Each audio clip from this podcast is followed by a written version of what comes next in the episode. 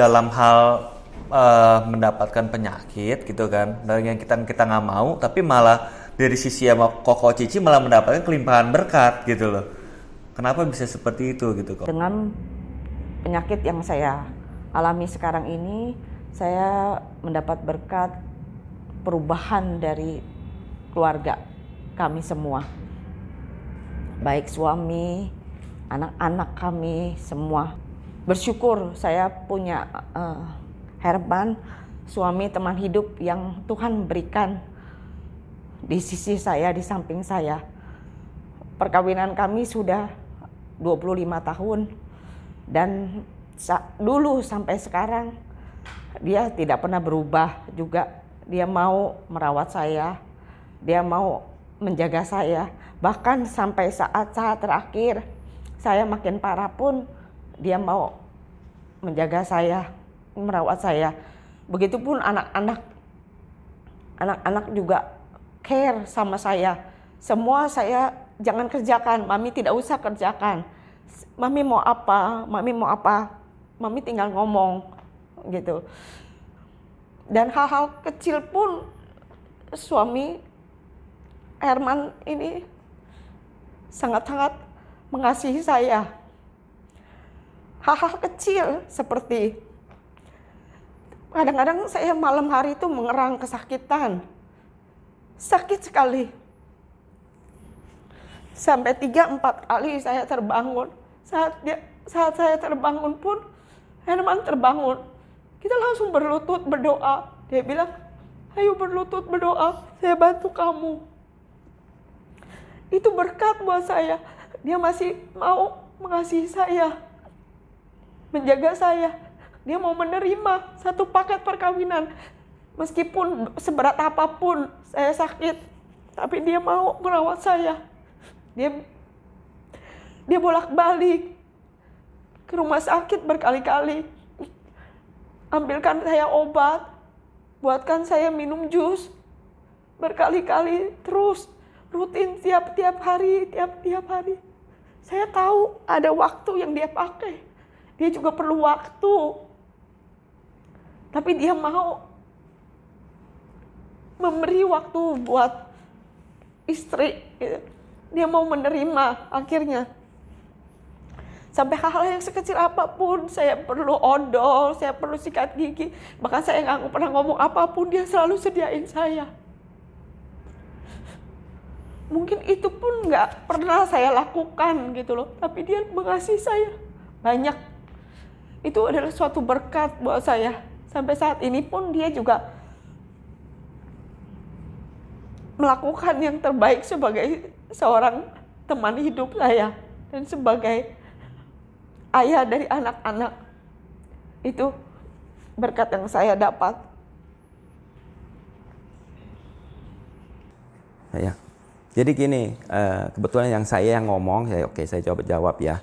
Kalau dari sisi pandangan pribadi saya, uh, saya nggak melihat sisi penyakit kanker itu suatu keburukan buat kami berdua, buat keluarga khususnya juga. Tapi justru saya melihat Tuhan sangat bekerja dan Tuhan Tuhan ingin melakukan sesuatu yang melalui uh, pekerjaan kita dalam hal ini mungkin semakin kita bisa mensyukuri apa pun situasi dan kondisi yang kita terima, makin berkat itu makin bisa terbagi bagi sesama. Uh, dalam hal ini gini contohnya, kita selalu bersyukur. Uh, dari sejak Mei kita sih sebenarnya nggak pernah mengeluh keluar ke siapa pun. Kita selalu minta doa, bantuan doa, doa. Ya, memang saya sering gembar-gembori untuk minta dukungan doa Uh, tapi saya nggak pernah sampai hari ini uh, demi Tuhan ya itu melakukan menggerutu sama Tuhan bahwa uh, tapi makin ke sini saya lihat Tuhan bekerja luar biasa sekali. Justru kita malah banyak banyak mendapat uh, chance untuk membantu orang-orang sependeritaan foni penyakit kanker dalam pengadaan obat-obat kanker. Karena dalam waktu perjalanan ke Guangzhou itu makanya saya bilang perjalanan berkat sebagai perjalanan berkat iman kita itu. Saya kenal di sana beberapa supplier obat-obat cancer. Sehingga harga obat itu benar-benar sangat kompetitif dibanding orang-orang penyakit cancer beli di sini. Obat itu harganya 30 sampai 100 juta per bulan. Pas kita udah tahu angkat uh, angkat tangan itu dari BPJS, kita di sana disambung dengan supplier yang bisa mensuplai kita hanya sekitar 8-9 juta sebulan. Sehingga dengan cara ini saya bawa uh, informasi ini yang bentuk berkat ke teman-teman yang sependeritaan dengan obat yang sama. Kita malah berkelimpahan, kita banyak bantu orang, eh kita malah dikasih Tuhan kelebihan-kelebihan itu. Pernah nggak sih kok kayaknya merasa dalam perjalanan ini ya, kayaknya kok udah kehilangan mungkin iman apa pernah terjatuh imannya kayak kehilangan harapan dan segala macam atau malah e, dalam hal ini kok bisa menjaga iman itu gitu loh. Pasti itu, pasti terjadi. Beberapa waktu juga saya merasa secara manusia logika, oh kita sudah secara berkala dengan ketat menjaga makan, menjaga aktivitas, terus menjaga harus PET scan, CT scan, dan MRI, otak, bone scan secara rutin selama dua tahun ini. Sampai bulan Mei terakhir itu juga masih bagus-bagus saja gitu loh. Jadi saat-saat seperti yang dibilang saat-saat kita seperti biasa saja kita tidak mengalami apa-apa itu adalah masa-masa kita biasa saja. Tapi saat-saat kita mendapat masalah seperti ini kita juga bingung bagaimana gitu loh. Saya juga ada kehilangan uh, iman tapi harapan saya tetap tapi saya pernah down juga gitu loh. Kok kenapa sakit ini? Semua nyeri di tulang sakit semua. Kenapa kok bisa menyebarnya banyak sekali? Kenapa mesti timbul sampai 10 titik di kepala. Orang yang sudah jenderal 4 pun, yang sudah stadium akhir itu aja cuma satu dua yang saya tahu di grup. Tapi saya sampai sejumlah besar di dekat kepala sini, dekat mata, itu sampai ukuran dua setengah senti. Sampai dokter juga bertanya, kamu nggak pusing kepalanya gitu. Saya nggak rasa apa-apa gitu loh. Kalau saya nggak di MRI otak, saya juga nggak tahu bahwa itu ada penyebaran di otak. Dokter juga sampai bingung saya bilang ini ada satu rencana Tuhan juga. Jadi kita tetap berjalan aja, kita tetap berdoa. Jadi saat itu saya tetap yakin dan semangat. Karena kami sangat erat hubungan saya dan suami. Jadi kita kadang saling menyemangati, saling mensupport, kadang kita juga saling mendoakan gitu loh. Jadi sharing, jadi saat-saat kita di kendaraan, saat-saat sebelum tidur, apa sih ya kehendak Tuhan, kita sharing bersama gitu loh. Nah, mungkin masa-masa itu yang membuat saya bisa kuat, tambah kuat, tambah kuat gitu loh. Jadi ada orang yang support saya, yang mendampingi saya seperti itu. Itu buat saya. Kalau jatuh iman sih saya pikir namanya saya dalam proses uh, iman, ya keyakinan sama Tuhan. Itu sering terjadi. Bukan satu dua kali saya pikir sering. Mungkin udah gak, gak kehitung. Dalam arti kata tanda petik jatuhan iman bukan secara seluruh ya. Maksud saya kaget gitu ya. Yeah. saya juga kadang-kadang manfaatin ucapan syukur ke teman-teman WA group yang di luar-luar. Kadang-kadang saya juga buka-buka Alkitab saya pelajari sesuatu di sana. Saya menginginkan dari Tuhan apa sih yang dikendaki Tuhan uh, saya bisa jalani sampai hari ini itu suka saya cari itu loh dan dalam hal ini saya lihat makin ke sininya kelihatannya memang hidup secara iman dan keyakinan itu tantangan pasti ada. Saya nggak bilang itu suatu problem buat kita. Tantangan uh, pasti ada dan tantangannya itu kalau bisa dilewati itulah nilai nilai yang bisa kita uh, rasakan sebagai suatu kenaikan iman, kenaikan keyakinan. Uh, saat saya jatuh-jatuh itu banyak sekali yang kita nggak bisa terima secara akal budi, secara manusia ya kalau sudah sudah sampai uh, taraf di situ, saya udah nggak mau pikir lebih dalam lagi karena saya tahu saya udah sampai di limit cara berpikir manusianya. Langsung saya ambil langkah satu yang sangat sederhana. Saya cuman berlutut, cari tempat tersembunyi, saya berlutut di luar pengetahuan dia. Saya cari tempat yang nggak ada orang, saya berlutut berdoa. Terus saya ungkapin apa yang saya merasa khawatir, apa yang jadi beban hidup saya. Setelah berdoa itu, saya dengan yakin penuh saya lupakan semua dan saya jalanin hidup itu dan terjadilah hal-hal yang memang di luar pikiran saya sendiri katanya lancar, lancar, lancar. Itu aja sih.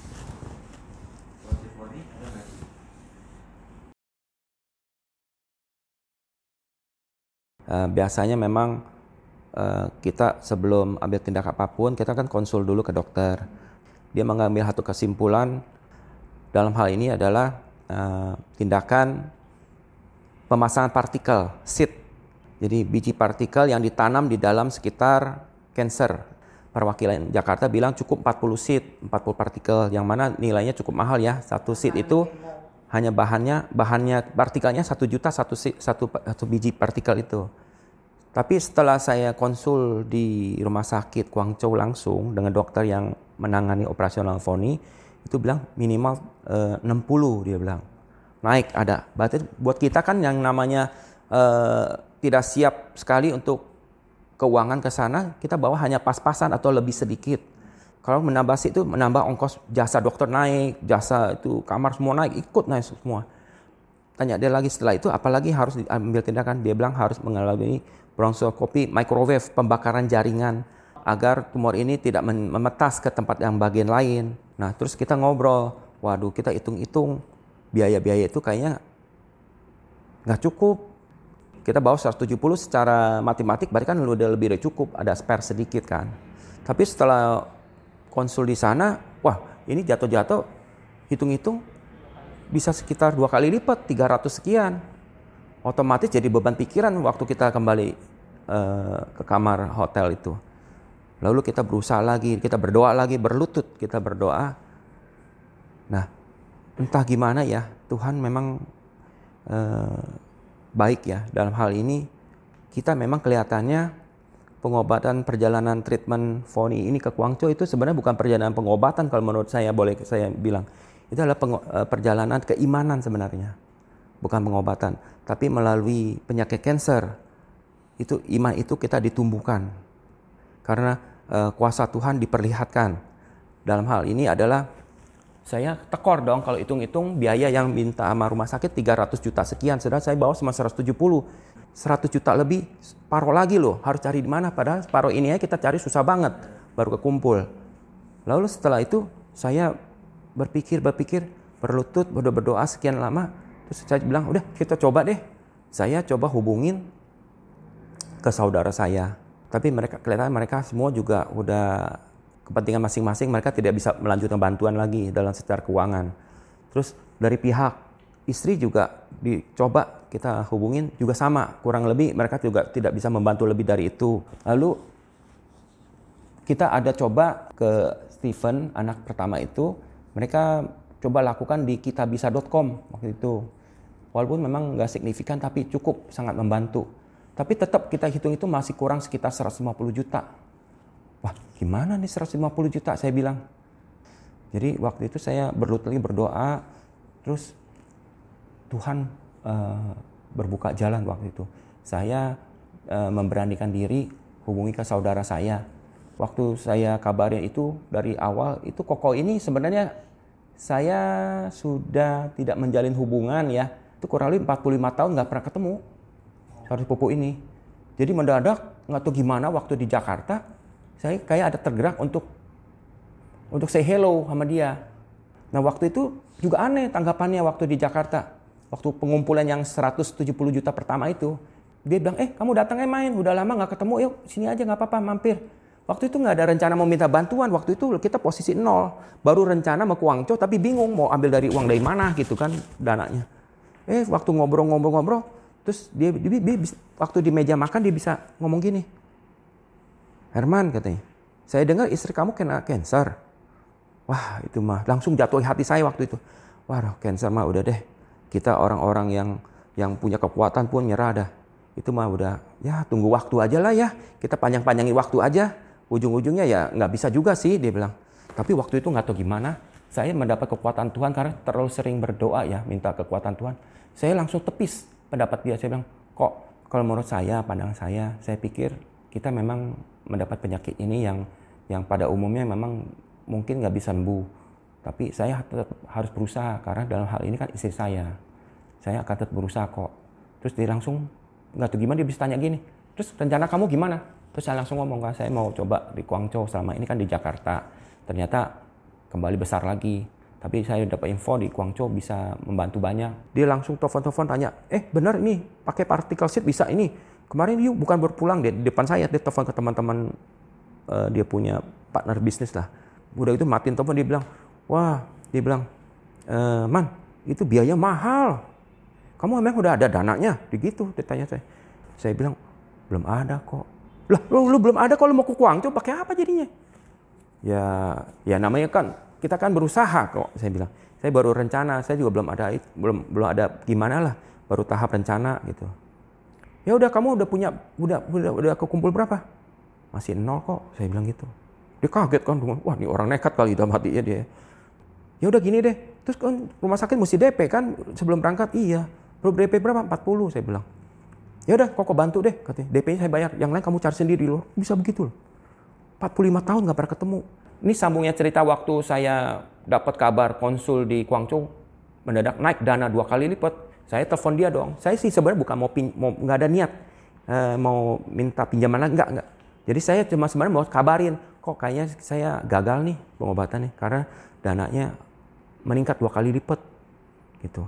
Eh nggak tahu gimana dia langsung bisa ngomong gini lagi. Saya udah dari awal, uh, man, orang China pinter marketingnya di sini bilang segini sampai sono mah udah udah tepalang tanggungan dipotong kamunya di situ katanya. Itu buktinya sekarang minta dua kali lipat. Udah gini aja deh. Perlu berapa? 150 lagi kok. Wah, gede juga ya, dia bilang. Ya deh deh, saya bantu kamu 50 juta aja lagi katanya. Tuhan bisa pakai tenaga orang yang pernah di Alkitab dituliskan. Tuhan bisa pakai orang-orang luar untuk membantu orang-orang Tuhan kan gitu. Dan ternyata terjadi hal seperti itu dalam hidup saya ini dulu di rumah sakit kalau kita deposit uang nggak cukup pasti di stopin. Waktu itu saya udah di stopin karena dianggap depositnya kurang. Jadi pengobatan ditahan tuh satu hari tuh. Wah saya bilang wah beban berat sekali kalau begini terus gimana ya? Kita berlut berutut lagi. Eh saya ngomong lagi sama sama saudara saya yang jauh. Ya udah saya bantu lagi sedikit deh katanya. Kamu cari lagi di luar tuh. Jadi sebenarnya Tuhan tuh buka, tapi kita nggak bisa Maksud saya itu nggak bisa terima begitu aja. Kita harus berusaha gitu loh. Kita harus mencoba. Masalah gagal berhasil kan semua di, di tangan Tuhan. Tapi jadi kita andelin doa, berusaha, berdoa, berusaha gitu. Eh, sampai akhirnya apa yang terjadi? Suatu yang mujizat luar biasa dalam hal dana pengobatan di Guangzhou. Nah, kembali uh, saya saya kan tunggu dong uh, apa pengirim uang dari uh, saudara sepupu yang mau bantu 50 juta kan. Dijanjiin besok saya kasih kamu katanya. Nah, itu kan kejadian hari ini. Dia bilang besok. Oke, saya tunggu. Sedang besok adalah deadline saya. Kalau nggak bisa keluar dana lagi harus keluar dari rumah sakit. Deadline dari rumah sakit tuh. Eh, buka katanya. Pagi janjinya. Nggak ada kosong. Buka sampai jam 3 masih kosong juga. Sore sampai jam 6 masih kosong. Wah cilaka saya bilang emang terus kita berdoa lagi berlutut lagi minta petunjuk Tuhan udah itu saya beranikan diri saya telepon. Eh dia cepat-cepat ngomong oh maaf maaf. Waduh saya sibuk banget. Lupa saya katanya. Besok deh pasti saya kirimin besok. Nah eh apa yang terjadi? Besok luar biasa Tuhan bekerja. Saya buka dong internet banking. Orang ini kan dibilang udah setuju 50 juta. Saya buka bukan 50 ya saya lihat 100 juta saya matiin, saya buka lagi, matiin, buka eh tiga kali, eh tetap nggak berubah 100 tetap 100. Wah, puji Tuhan saya bilang dibantu, ya kan? Eh, yang mau saya sampaikan adalah jangan pernah berputus asa. Eh, kita kalau mau udah imanin sama Tuhan ya satu arah. Walaupun nanti belum tentu sesuai dengan kemauan kita, tapi pasti ada jalan solusi yang lain. Harus pegang keyakinan bahwa pada akhirnya pasti indah uh, waktu pada waktunya. Itu aja sih.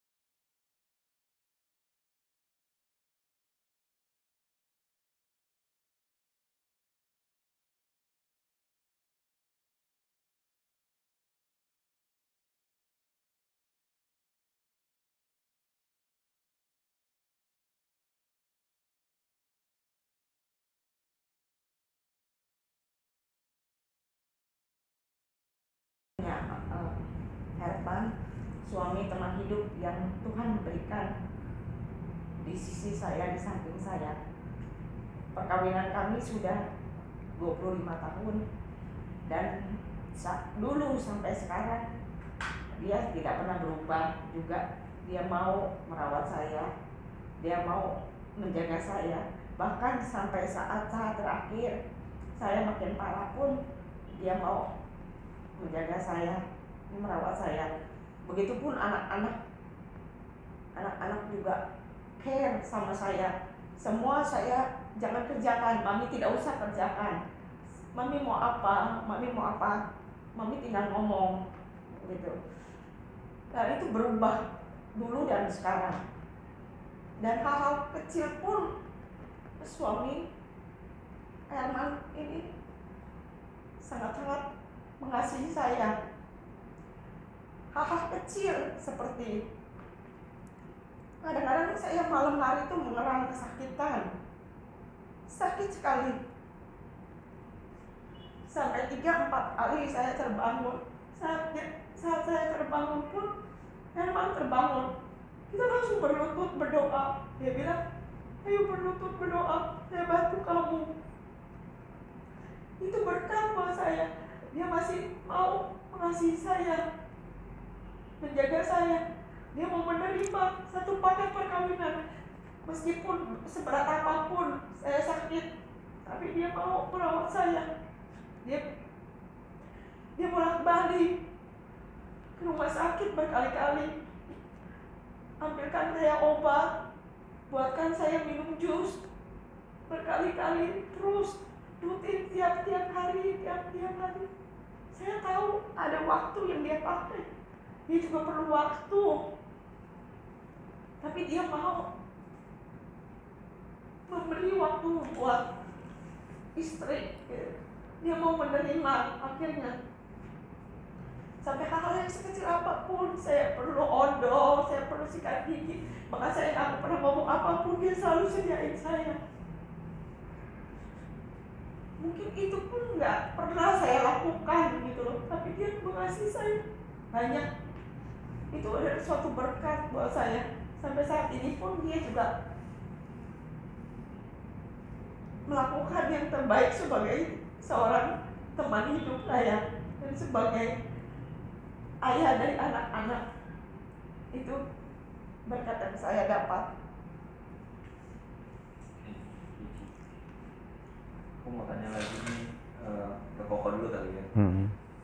Kalau tadi aku dengar kan ceritanya uh, pernah nggak sih kok kayaknya merasa dalam perjalanan ini ya? Kayaknya Koko udah kehilangan mungkin iman apa pernah terjatuh imannya ya kehilangan harapan dan macam. Atau malah e, dalam hal ini kok bisa menjaga iman itu gitu.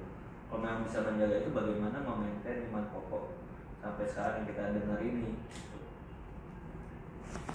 kalau jatuh iman sih saya pikir namanya saya dalam proses uh, iman ya keyakinan sama Tuhan itu sering terjadi bukan satu dua kali saya pikir sering mungkin udah gak, gak kehitung. Dalam arti kata tanda petik jatuhan iman bukan secara seluruh ya maksud saya kaget gitu ya.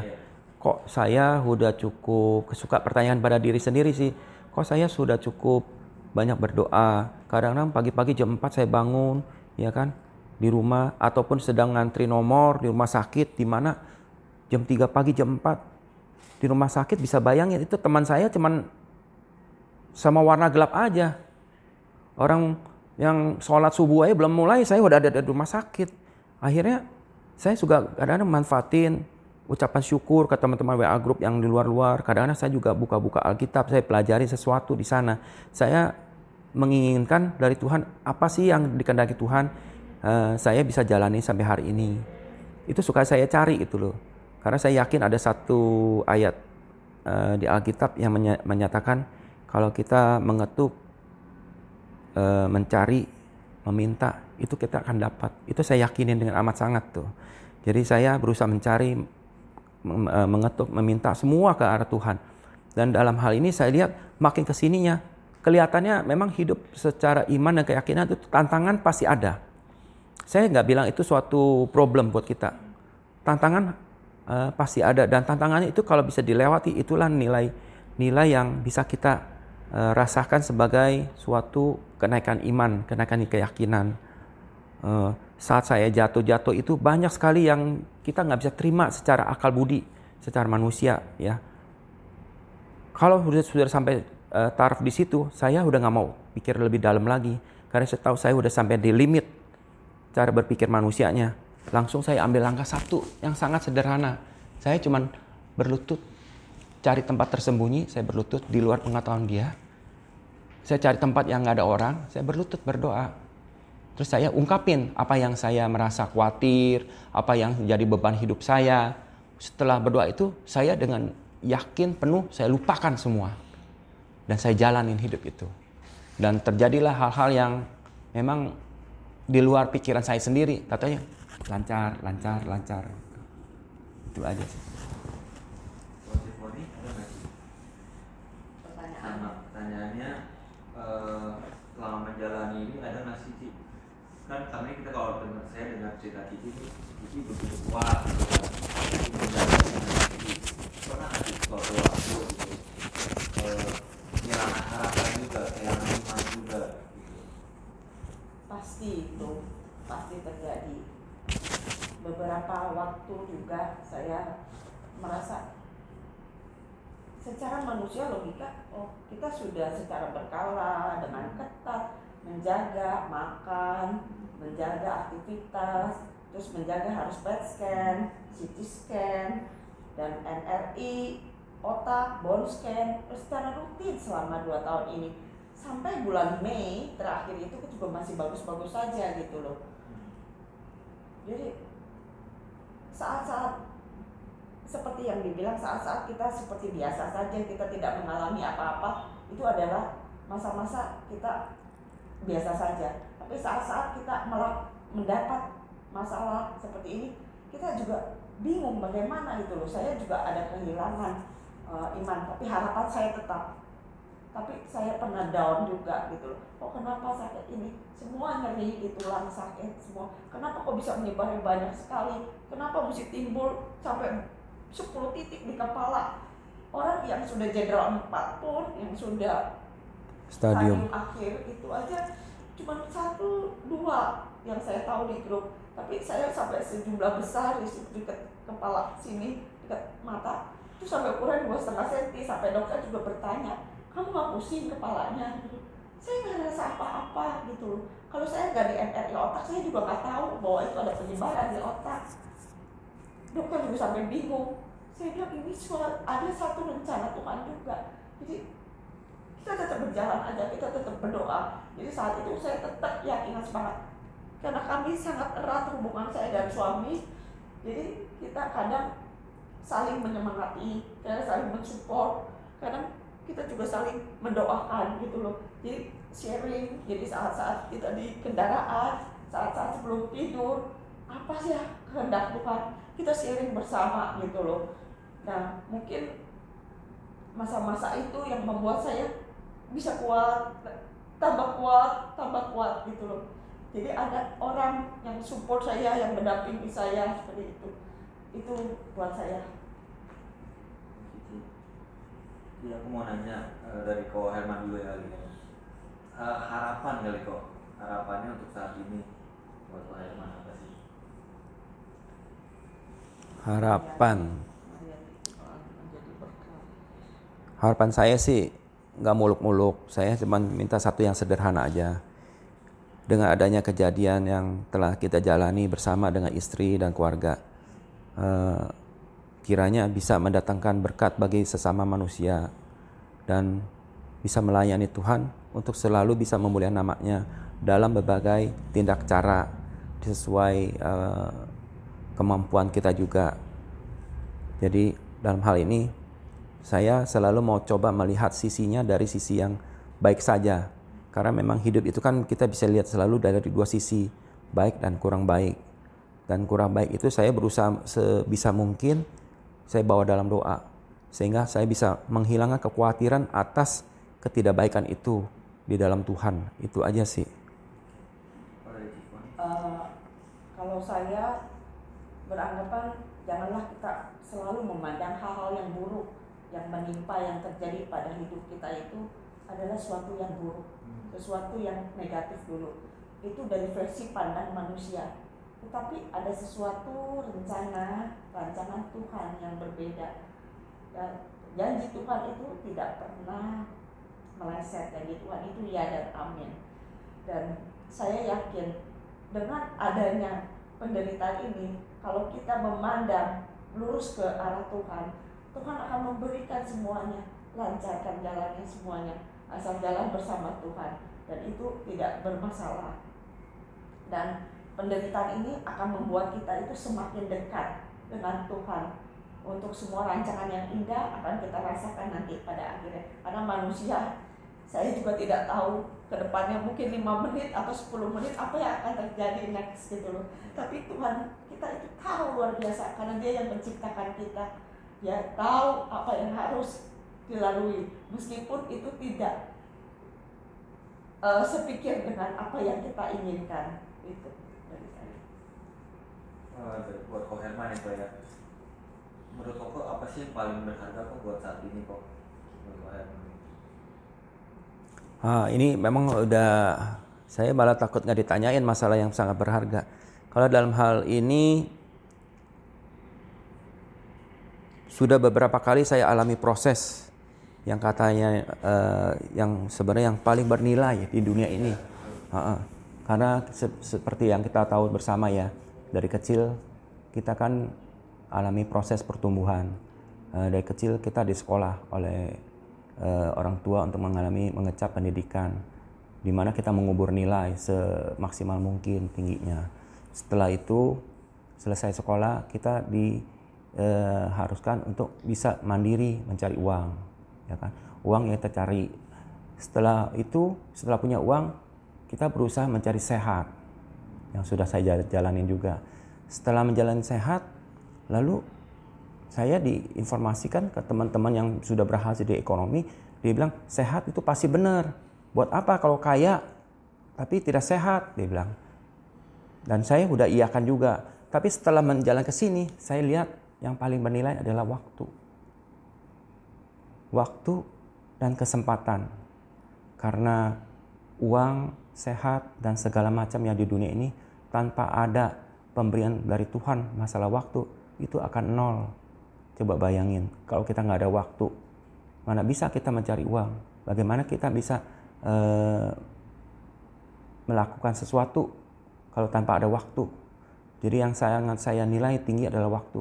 Maka selalu pagi-pagi saya selalu berusaha sebisa mungkin kalau di komunitas saya yang saya jalani sekarang selalu saya ingatin teman-teman selalu berpuji puji Tuhan dulu bersyukur bahwa sampai pagi ini kita masih bisa bangun dalam keadaan baik sehat atau kurang sehat.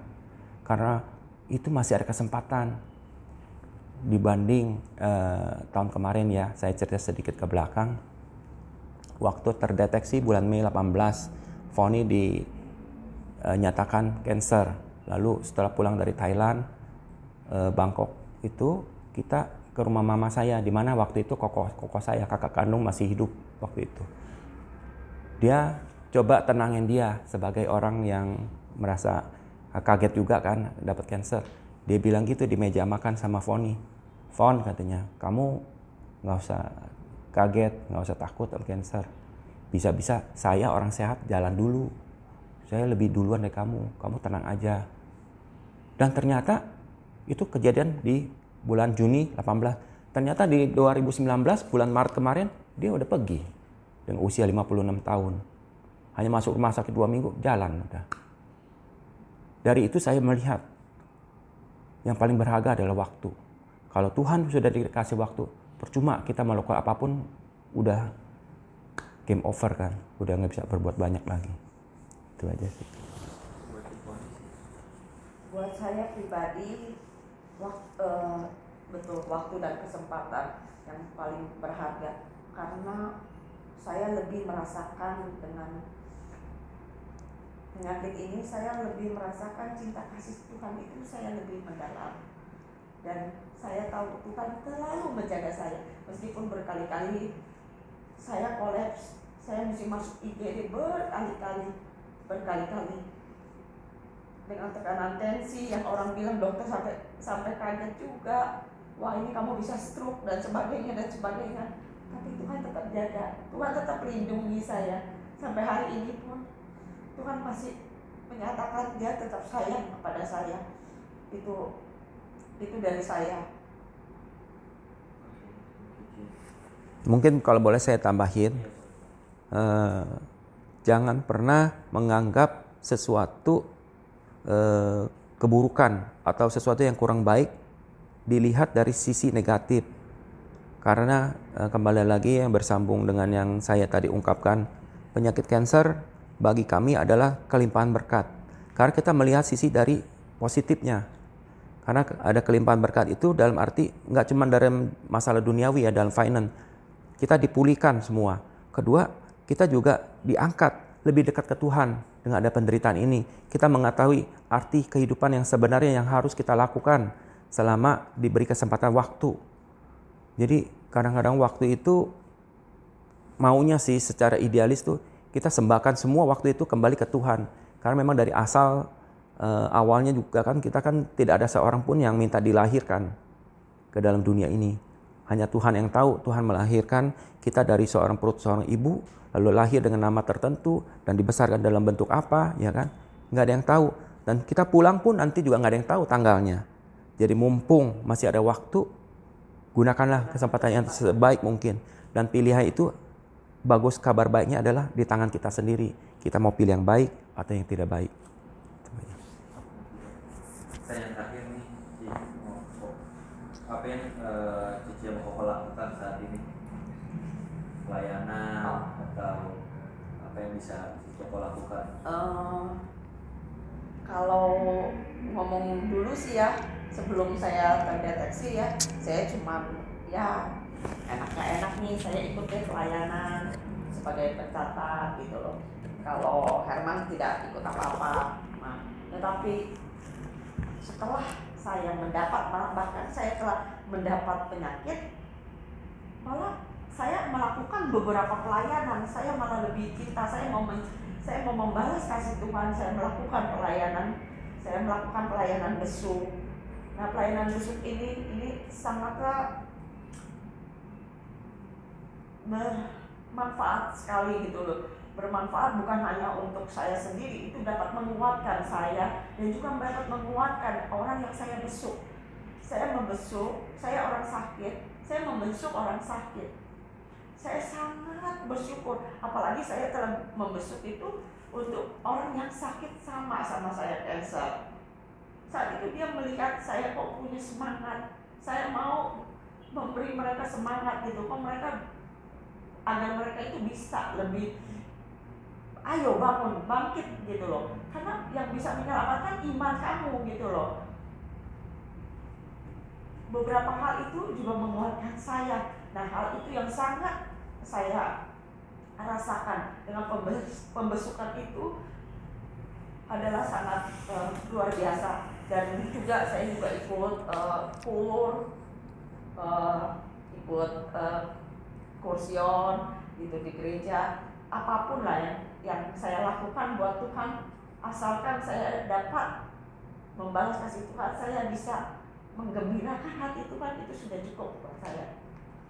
Mungkin kalau saya tambahan sedikit jadi intinya yang sederhana ya karena dari tadi kan kita bicaranya kan dari proses satu ke satu ya kan yang saya ceritain nah, intinya sebenarnya kalau di ujung terakhirnya saya cuman uh, mengharapkan seperti bagaimana caranya kita hidup selama diberi waktu dengan kesempatan itu bisa menyenangkan hati pencipta kita dalam hal ini Tuhan kita itu aja sih. Bagaimana bisa menyenangkan hati Tuhan? Itu sebenarnya harus kita jawab masing-masing. Kalau kita bisa menyenangkan hati Tuhan eh, dalam hal ini kan dalam agama kita Kristen kan ada yang namanya tokoh nama Henok kan. Ada satu lagi Elia. Elia. Itu kan mereka sangat menyenangkan hati Tuhan sampai Tuhan nggak mau kasih dia proses meninggal, langsung diangkat begitu saja. Itu bagaimana caranya? Itu yang mungkin bisa satu, salah satu PR buat kita semua. Kalau kita yakin Tuhan itu baik, kita harus berpikir bagaimana uh, selama kita dikasih waktu hidup, itu berguna dan bisa menyenangkan hati hati Tuhan itu aja sih ya makasih sama Ada mau ditambahin nggak sih? Ada. Ada saran saya. Saran saya. Saran. ada. Nggak apa-apa ini kita dulu.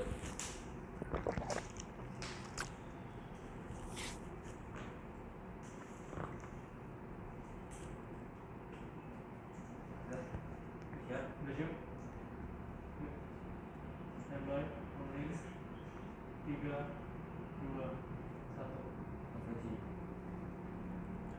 Eh, saran saya terakhir ya hidup mengikuti Tuhan di dunia ini itu memang tidak mudah. Segala pencobaan penderitaan masalah ekonomi masalah keluarga masalah sakit penyakit masalah karir masalah sekolah itu pun bisa membuat eh, kita terhimpit tetapi kita harus sepenuhnya bergantung kepada pimpinan Tuhan. Kita harus fokus semuanya itu harus ke arah Tuhan. Tidak boleh berpikir negatif.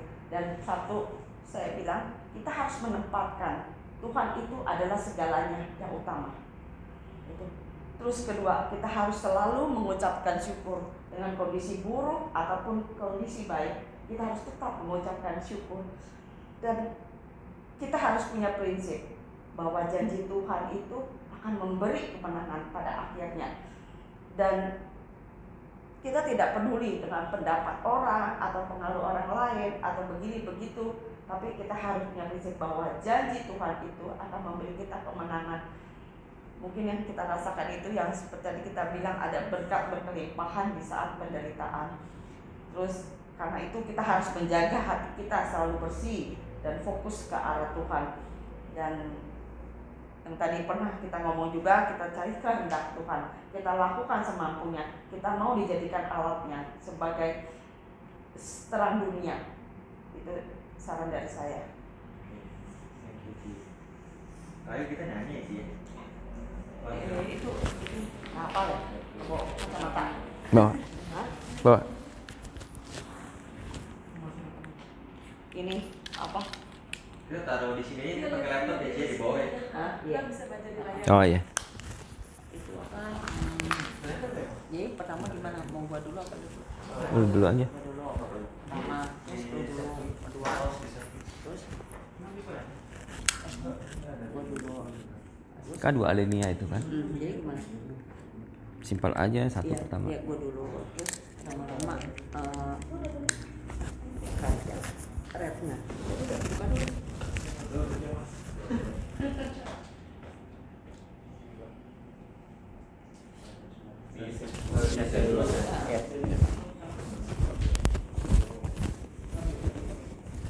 pakai gak masih ya